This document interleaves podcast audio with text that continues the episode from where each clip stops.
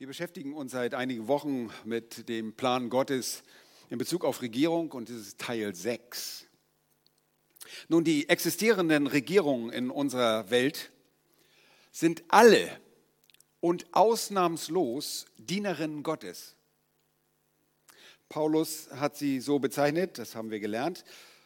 Und dabei sind sie immer seiner Souveränität unterworfen und werden auch nur durch ihn zur Macht befähigt. Das ist irgendwie ein Trost zu wissen. Das erkennen wir unter anderem sehr deutlich an Jesu Antwort Pilatus gegenüber, dem römischen Statthalter, während seines eigenen Verhörs im Prätorium kurz vor Jesu Tod, sagt der Herr dort zu diesem Mann Gottes, sage ich schon mal, zu diesem Diener Gottes, nein, römischen Statthalter, Johannes 19,11, du hättest gar keine Vollmacht über mich, wenn sie dir nicht von oben her gegeben wäre. Nun, es geht aus dem Gesamtzeugnis der Heiligen Schrift hervor, dass selbst eine gottlose Regierung nicht dazu in der Lage ist, Jahwes Pläne, seine Urteile oder Regeln und Gesetze zu vereiteln. Er überwaltet alle Dinge und er herrscht souverän, haben wir gerade auch gelesen in 2. Mose 15. Und aus diesem Grund müssen Regierungen in jedem Fall seinen Absichten dienen. Regierungen sind damit zum einen Gottes Werkzeug, um eine gewisse gesellschaftliche Ordnung und ihren Frieden aufrechtzuerhalten. Und dabei benutzen die regierenden Menschen meist unwillentlich und unbewusst das Werk des Gesetzes, das Gott in ihre Herzen geschrieben hat. Sie haben eine gottgegebene Moral, ja, die durch die Sünde zwar verdunkelt wird, aber weitgehend folgen sie den Ansichten Gottes. Beispielsweise werden Mörder generell von Regierungen verurteilt und bestraft und auch die Entwendung von Eigentum wird grundsätzlich bestraft, selbst in gottlosen Ländern. Zum anderen werden Regierungen, Könige oder Fürsten auch dazu eingesetzt, um Gerichtswerkzeuge Gottes an anderen Nationen zu sein. Wir lesen das häufig im Alten Testament. Und auch jetzt sehen wir, wie eine Regierung, ein Pharao, äh, einen gewissen Auftrag hatte für eine gewisse Zeit, aber dann ein jähes Ende nahm. Aber sie sind auch dazu da, das Gute in der Gesellschaft zu fördern. Dazu hat unsere, unsere Regierung Gelegenheit, jetzt auch in diesen Krisengebieten unbürokratisch Hilfe zu leisten. All diese Dinge dienen letzten Endes äh, Gottes, letztendlich Gottes Zwecken. Und damit das im Innern des Menschen verankerte Gesetz in dem Maß erhalten bleibt, wie Gott es will, und damit der Mensch belehrt wird, haben Kinder Gottes einen großen Auftrag. Unser Auftrag, sprich der Auftrag der Gemeinde, besteht darin, die Wahrheit in dieser Welt zu verkündigen. Und dabei beginnen wir mit dem Evangelium der Rettung und erklären äh, dessen Tragweite und lehren damit den gesamten Ratschluss Gottes. Und wir tun gut daran, uns zu erinnern, dass wir als Gemeinde des lebendigen Gottes die einzige Institution sind, die zum Lehren und Verkündigen der Wahrheit Gottes bestimmt ist. Uns wurde die Wahrheit, die Heilige Schrift und deren Geheimnisse anvertraut.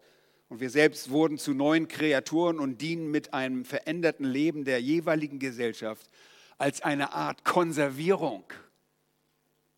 Wir haben die Worte von Paulus an Timotheus beim letzten Mal schon betrachtet. In 1. Timotheus 3, Vers 15 spricht von uns als dem Haus Gottes, welches die Gemeinde des lebendigen Gottes ist, der Pfeiler und die Grundfeste der Wahrheit. Wir sind Verkündiger der Wahrheit, der rettenden Botschaft und erinnern alle Menschen daran, dass sie Rechenschaft vor Gott abgeben müssen. Und Regierungen sind verpflichtet, sich an Gottes Maßstäben zu orientieren. Sie gehen fehl, wenn sie sich von Gottes Gesetzen entfernen sich entsprechend der Wahrheit nicht ausrichten, sich nicht ausrichten. Wenn dann ganze Rechtssysteme, Rechtsordnungen versagen, dann wird Gott selbst mit ihnen ins Gericht gehen. Auf der einen Seite überlässt er sie sich selbst zu ihrem eigenen Verderben und setzt sie je nach Plan ab oder wie gesagt, er überlässt sie ihrer eigenen Schande. Übrigens hatte Gott den Königen von Israel schon im Voraus angeordnet, eine Abschrift seines Gesetzes zu besitzen, damit die Könige Israels damit darin lesen konnten und so dessen Willen in Erfahrung bringen konnten. 5. Mose 17, Verse 18 bis 20. Nun, was geschieht, wenn nun korrumpierte Regierungen Dinge befehlen oder verordnen, die den Maßstäben Gottes zuwider sind? Nun, was gilt dann zu tun? Im Beobachten der Apostel erhalten wir ein klares Vorbild.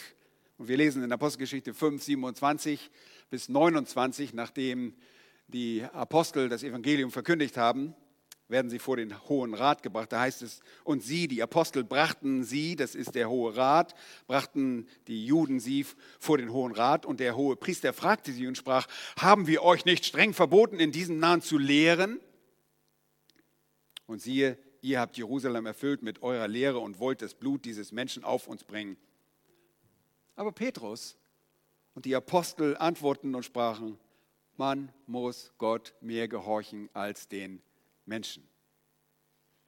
Und es wird uns deutlich, dass auch hierzulande nicht die Bundesregierung höchste Autorität besitzt, sondern Jahwe Gott selbst.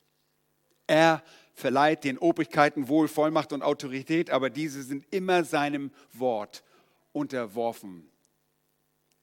Wenn es nun darum geht, sich den Regierungen unterzuordnen, dann geht es immer um eine reflektierte Unterordnung und nicht eine vorbehaltlose, blinde Unterwerfung. Absolutes Vertrauen können wir nur Gott gegenüber aufbringen. Er selbst hat dieses Vertrauen in unserem Glauben verankert. Menschliche Institutionen müssen jedoch immer biblisch differenziert beurteilt werden. Mit dem Zusammenbruch staatlicher Rechtsordnung treten gewöhnliche Übergrifflichkeiten durch Regierungen auf, mit denen sie den Rahmen der ihnen zugedachten Autorität sprengen und verlassen. Konkretes Beispiel, Regierungen verbieten christliche Versammlungen.